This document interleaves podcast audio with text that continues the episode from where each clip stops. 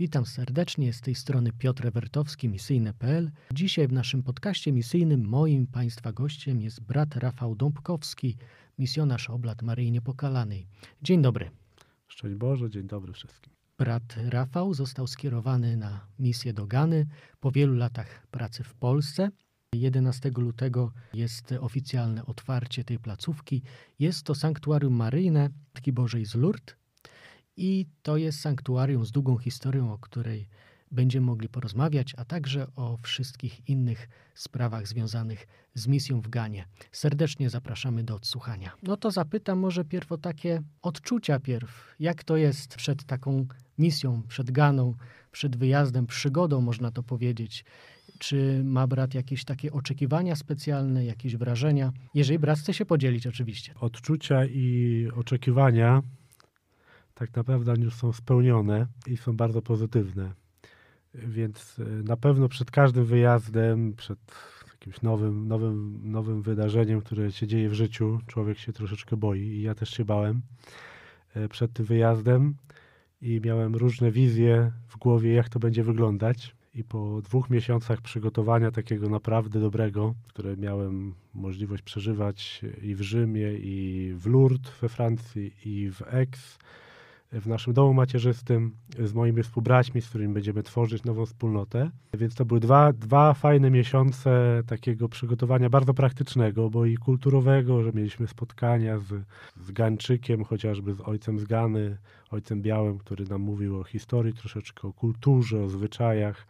Mieliśmy też spotkania o, na temat inkulturacji, na temat międzynarodowości, bo tworzymy wspólnotę, która jest zupełnie, totalnie międzynarodowa. E, jest jeden ojciec z Nigerii, drugi jest ojciec z Senegalu, ja jestem z Polski, każdy z innej kultury tak naprawdę, z innego języka, więc żeby się nie, nie poobijać na początku, no to mieliśmy takie właśnie małe wykłady o, o tworzeniu nowej wspólnoty też.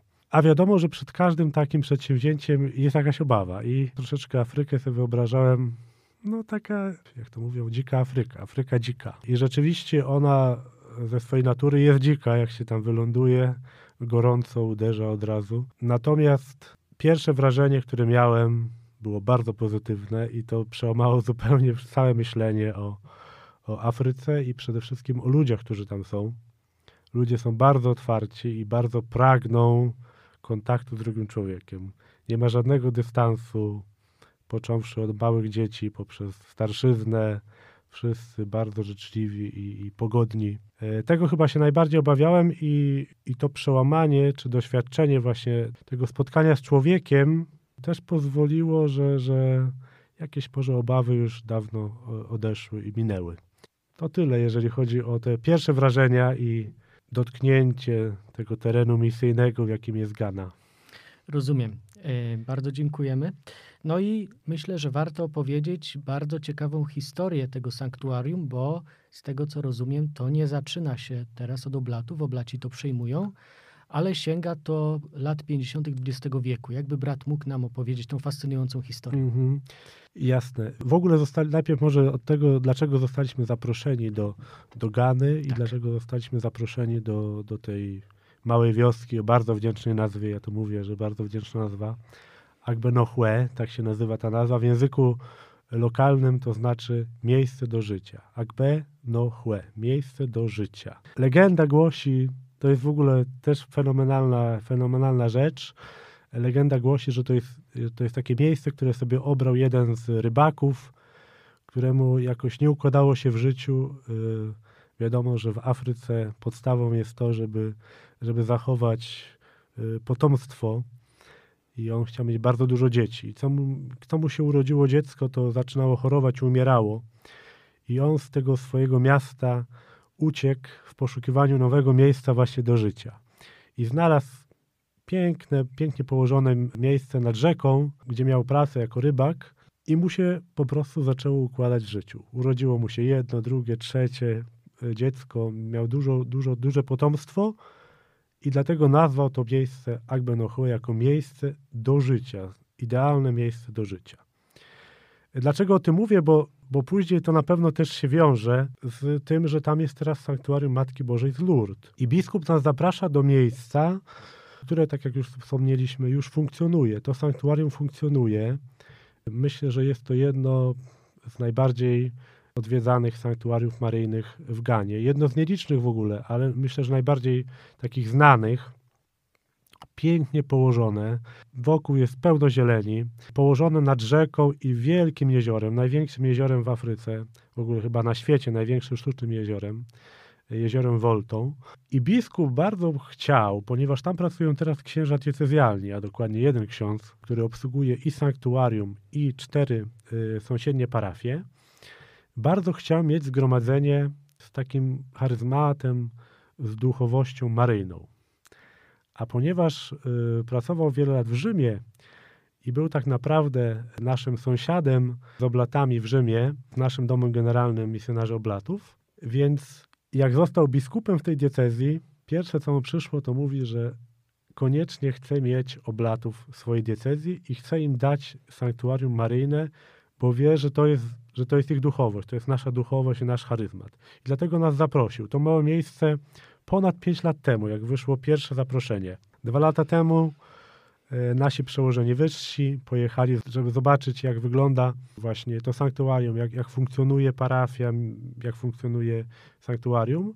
W zeszłym roku mieliśmy tam już objąć to, tą placówkę, no ale wiadomo, że przyszedł COVID, jakieś obiektywne, obiektywne rzeczy, które nie pozwoliły. I w tym roku, a tak naprawdę w zeszłym, w grudniu, mogliśmy jechać pierwszy raz, żeby zobaczyć już jako nowa wspólnota e, naszą pracę. I mamy i parafię objąć, i sanktuarium Matki Bożej z Lourdes, która lokalnie sanktuarium jest nazywane Matką Bożą z Groty. Historia sięga, tak jak wspomnieliśmy, lat 50.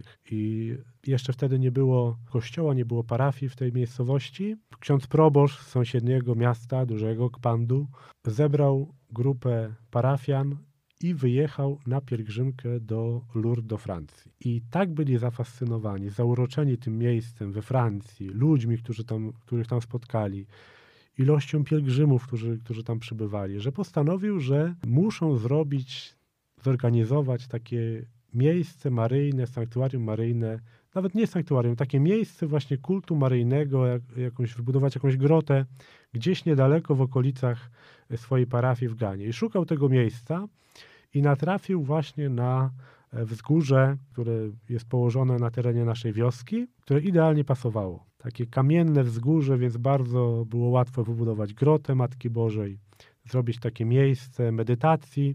I na początku rzeczywiście to było miejsce e, takie typowo pielgrzymkowe, gdzie przychodziła sobie grupa pieszo, te kilka kilometrów. Początkowo był to Legion Maryi, który tam miał spotkania, takie modlitewne czuwania e, wieczorne ale miejsce się rozrastało i zaczęli, zaczęły przyjeżdżać też grupy z innych parafii, a wreszcie zaczęło być za małe, więc nie starczało tego miejsca wokół tej groty i wybudowano też na wzgórzu potężną figurę Matki Bożej i świętej Bernadety. Dla mnie była gigantyczna, ma ponad 8 metrów, widać ją drogi, jak się jedzie tak z oddali, to, to ona góruje jakby nad tym miejscem. Piękna, biała, biała figura Matki Bożej.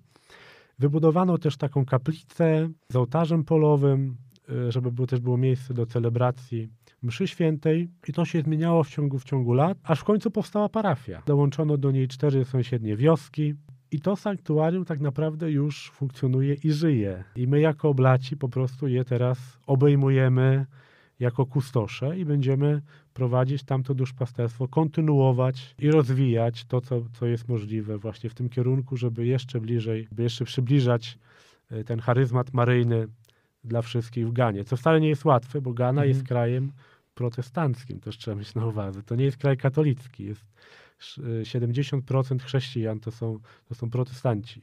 Jedynie 30% to są katolicy.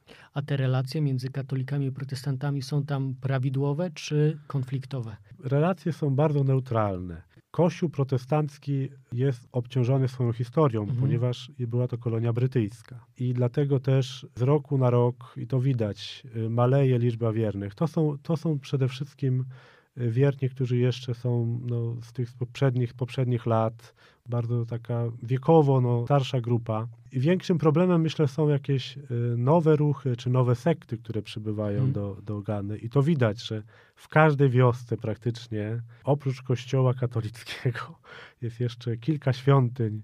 Y, nazywamy to świątyniami, bo wiadomo, że to są świątynie. To jest, to jest najczęściej jakaś zbudowana szopa, gdzie jest postawiony krzyż i to jest jako świątynia, nie może nie tyle protestancka, co właśnie jakaś związana z sektami. Jest bardzo, bardzo dużo sekt takich y, charyzmatycznych, gdzie no, przybywa, ty, tych charyzmatyków przybywa z całej Afryki do Gany, więc to jest większy problem. Natomiast z protestantami nie ma problemu. Oni mają jakby swój kościół, który historycznie jest no, o wiele starszy niż kościół katolicki. A, rozumiem. Czyli chodzi o Anglikanów konkretnie. Chodzi o Anglikanów, tak. tak. I tak mnie zastanawia, czy te właśnie sekty, czy te wspólnoty charyzmatyczne, czy one jakby nie są synkretyczne, pewnie łączą jakieś regionalne religie. Dało się zauważyć, czy jeszcze? Myślę, znaczy powiem szczerze, że e, raz widziałem tylko takie nabożeństwo, które, mhm. które miało miejsce, ale to, to nawet nie, nie, nie było możliwości, żeby w tym uczestniczyć jakoś głębiej. Na, te, na pewno jest e, wielka potrzeba i to widać wśród tej lokalnej y, ludności, że oni potrzebują kościoła i potrzebują się gromadzić. Tak mhm. naprawdę oni nie mają alternatywy. Cóż oni mają obecnie jeszcze, nawet mimo, mimo tak nowoczesnej technologii, która dotarła już do Afryki, to jednak nie mają alternatywy i, i potrzebują w jakiś sposób się gromadzić i zbierać. I tak naprawdę y, z tego, co ja zauważyłem, to sobota jest najpiękniejszym dniem, kiedy, kiedy oni mogą wspólnie wieczorem celebrować liturgię. I to, I to było zauważalne praktycznie w wielu miejscach, że, że oni czekają do, do soboty, z soboty na niedzielę, całą, całą noc najczęściej właśnie w tych, tych świątyniach niekatolickich oni celebrują swoją liturgię, mhm. zaczynają wieczorem w sobotę, kończą w niedzielę przed obiadem. Aha, czyli po prostu jest taka mentalność wspólnoty silna. Widać, że jest duża potrzeba, żeby być we wspólnocie i żeby, żeby przeżywać tą, tą wiarę we wspólnocie na pewno. No to jest piękne, zwłaszcza w zderzeniu z takim europejskim indywidualizmem. E, tak, to jest, e, można powiedzieć, to jest taki szok kulturowy, który Aha. się przeżywa tam. Tam rzeczywiście ludzie pragną wspólnoty i angażują się w tą wspólnotę. To też widać po kościele katolickim że Kościół katolicki nie opiera się na duchownych, tylko opiera się na wspólnocie świeckich tak naprawdę. I pojechali, byliśmy w kilku, nawet w kilkunastu parafiach w diecezji. W każdej parafii witał nas, witała nas przede wszystkim grupa parafialna. Duszpasterz gdzieś stał z obok, ale to była cała grupa, nawet po kilkanaście, po kilkadziesiąt osób, która jak się dowiedziała, że przyjeżdżają misjonarze, żeby zobaczyć parafię, była gotowa zostawić nawet swoją pracę czy jakieś obowiązki domowe i przybyła, żeby powitać i przedstawić właśnie swoją parafię. Nie? To są no, różne, na różnym poziomie grupy parafialne, począwszy od, od katechetów, jakiejś komisji właśnie formacyjnej, która przygotowuje chociażby dzieci do pierwszej komunii. To ksiądz tego nie robi, to robi wspólnota parafialna. Młodzi, starsi, y, jest grupa odpowiedzialna za finanse w parafii, za, jest grupa odpowiedzialna za remonty, za zbiórki. No po prostu jest to zderzenie z zupełnie inną rzeczywistością Kościoła. Tak naprawdę ta synodalność, której my teraz tyle mówimy w Polsce, tam ona już po prostu funkcjonuje na o wiele wyższym poziomie, chociaż o wiele niższym, niższych możliwościach finansowych i materialnych. I wiadomo, że to jest bardzo proste. Natomiast widać to zaangażowanie świeckie. Czyli tak naprawdę my, polscy katolicy, możemy dużo się uczyć od katolików z krajów, których nazywamy misyjnymi. No jeżeli chcemy zobaczyć, jak wygląda kościół nieklerykalny, też warto pojechać do Gany. Mnie to też e, zastanawia jedna rzecz, bo rozumiem, że brat nauczył się trochę lokalnego języka, bo te nazwy brat potrafi wymieniać, a brzmi to dosyć trudno. Czy y, nauczyć się jeszcze nie nauczyłem, to od razu się przyznaję. E, kilka słów i kilka zwrotów znam, żeby się móc komunikować ludźmi. Oficjalnie językiem urzędowym w Ganie jest język angielski. To Aha, na pewno tak. ułatwia. Tak, oczywiście. Kontakty, zwłaszcza z młodymi ludźmi, bo oni wszyscy mówią po angielsku. Dzieci mówią bardzo dobrze, młodzież mówi po angielsku. Problem jest ze starszymi osobami, które nie mówią po angielsku. W naszej parafii, w naszym sanktuarium, tak naprawdę liturgia nie odbywa się po angielsku, tylko w języku miejscowym. Język miejscowy nazywa się Ewe. Dla mnie, jako Europejczyka, jest o tyle łatwiej, mhm. że struktura liter i wymowy jest praktycznie taka sama jak w Europie, jak w języku niemieckim, ponieważ to była w okresie przed I wojną światową, była to kolonia niemiecka. Mhm. Później została podzielona na pół. Jedną część wzięła Francja i to jest obecne Togo, a jedną część wzięła Wielka Brytania i to jest ta e, wschodnia Ghana. Więc normalnie ludzie no, zwyczajne rzeczy załatwiają w języku lokalnym. To jest wielkie wyzwanie dla nas, nie tylko dla mnie, dla moich współbraci Tak. również, ponieważ będziemy musieli się nauczyć tego języka miejscowego. Natomiast na początku na pewno jest o tyle łatwo, że można się komunikować takim w jakichś potrzebach naprawdę takich no już pilnych w języku angielskim. A, to, to jest dobre rzeczywiście rozwiązanie i ułatwienie. Tak na koniec chciałem też spytać, myślę, że to zainteresuje naszych słuchaczy, e, zwłaszcza tych bardziej pobożnych, bo dużo się mówi o ojcach, o księżach, a jednak brat jest bratem. I ktoś może odnieść wrażenie, no to co taki brat robi? A przecież e, bracia zakonni są bardzo zajęci i bardzo ważne funkcje wypełniają, więc jeżeli brat mógłby przybliżyć trochę, tak pokrótce generalnie u oblatów, czym bracia się zajmują i co będzie brat robił jako brat w Ganie na placówce. Trudne pytanie i zawsze mnie o to pytają. E, Kto to jest brat zakonny i co robi brat zakonny? Już kiedyś nawet w misyjnych drogach napisałem, że brat zakonny to jest takie męskie wydanie siostry zakonnej. Tak. I tak naprawdę jest, bo robimy to samo, co ojcowie na misjach, oprócz tego, że nie sprawujemy sakramentów. Mhm. Czyli łatwiej powiedzieć, czego nie robimy, niż co robimy. To najpierw powiem to, czego nie robimy. Nie odprawiamy mszy, nie spowiadamy, nie udzielamy sakramentów, no bo to jest zarezerwowane dla księży, czyli dla ojców. Natomiast my normalnie jesteśmy posłani do ludzi i mamy być z ludźmi. I pięknie mi napisał ojciec generał w liście, w którym mnie posyłał na misję, bo napisał mi, że posyła mnie bez tam konkretnego zadania. Natomiast on ma świadomość, że bratu zakonnemu jest zawsze łatwiej zbliżyć się i być w lepszej relacji ze zwykłym człowiekiem, ponieważ nie ma tego dystansu sakramentalnego. I to myślę, jest, to myślę jest takie trafione. Druga rzecz to jest, generał bardzo chciał mieć brata też we wspólnocie, bo to jest też jakby nasz charyzmat, że my żyjemy we wspólnocie i tak naprawdę, jak powiedział nas nasz jeden z byłych generałów, generał T, że wspólnota oblacka nie jest pełna, jeżeli w jej szeregach nie ma brata zakonnego. I to w historii to widzimy, że tam, gdzie te prowincje nie miały braci zakonnych, najczęściej miały problemy z powołaniami i w ogóle z, z egzystowaniem. Natomiast co robią bracia zakonni? Bracia zakonni pełnią przeróżne posługi. Naprawdę wachlarz jest przeogromny. To zależy wszystko od jakichś y, no, umiejętności, predyspozycji. Ja powiem szczerze, że przez kilkanaście lat w Polsce zajmowałem się sprawami biurowymi, technicznymi, finansowymi. Jakoś tak wyszło, że do tego byłem posyłany. Mamy wspaniałych kucharzy, mamy e, wspaniałych ekonomów, którzy zajmują się tą stroną materialną naszych wspólnot. Mamy braci, którzy są katechetami, więc ta, naprawdę no, wachlarz jest przeogromny. Począwszy od takich prac typowo czy posług związanych z życiem wspólnoty, ale na misjach, czy jakby, no wiadomo, że w Polsce nie ma takiej potrzeby jeszcze, Mhm. żeby pe- pełnili jakieś funkcje y, w kościele, typowo takie, takie kościelne, jak katecheta, jakiś duszpasterz. Natomiast na przykład na zachodzie czy w krajach misyjnych to jest normalne, że bracia są nawet duszpasterzami, są kapelanami w szpitalach. Tam, gdzie nie ma księży, to bracia zakonni chodzą i, i przynoszą Pana Jezusa y, w Komunii Świętej chorym. Są katechetami, są też, wiadomo, że na misjach są fachowcami, na przykład spraw technicznych. Mamy w historii mnóstwo takich braci, więc, więc ten wachlarz zajęcia i rzeczy, które robią bracia jest, jest olbrzymi. Głównie myślę, i to też pięknie właśnie, to ja też o tym wspominam, generał to, na to też zwrócił uwagę, że jednak i to widać, bo ludzie mają większe zaufanie i nie mają takiego dystansu, jeżeli chodzi o relacje takie międzyludzkie. Zawsze łatwiej jest się zwierzyć, czy przyjść, pogadać z bratem, niż z księdzem, bo wtedy już jest zawsze, ten poziom jest zawsze troszeczkę inny. A z Tak. bratem, no to po prostu można sobie pogadać. Tam spotkaliśmy też, jest takie zgromadzenie typowo brackie, które powstało w Ganie, w tej diecezji, w której będziemy pracować. Diecezja się nazywa Ho, bardzo krótka nazwa.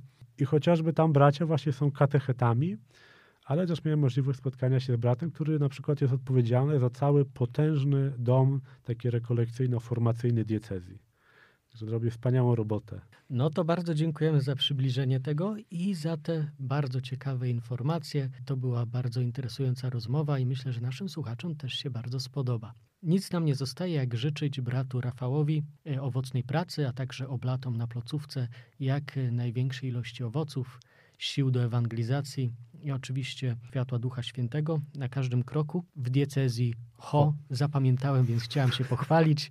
Tak, i bardzo dziękujemy. Ja również dziękuję. Y, Też proszę o to wsparcie, zwłaszcza modlitewne, bo ono będzie nam najbardziej potrzebne. Mhm.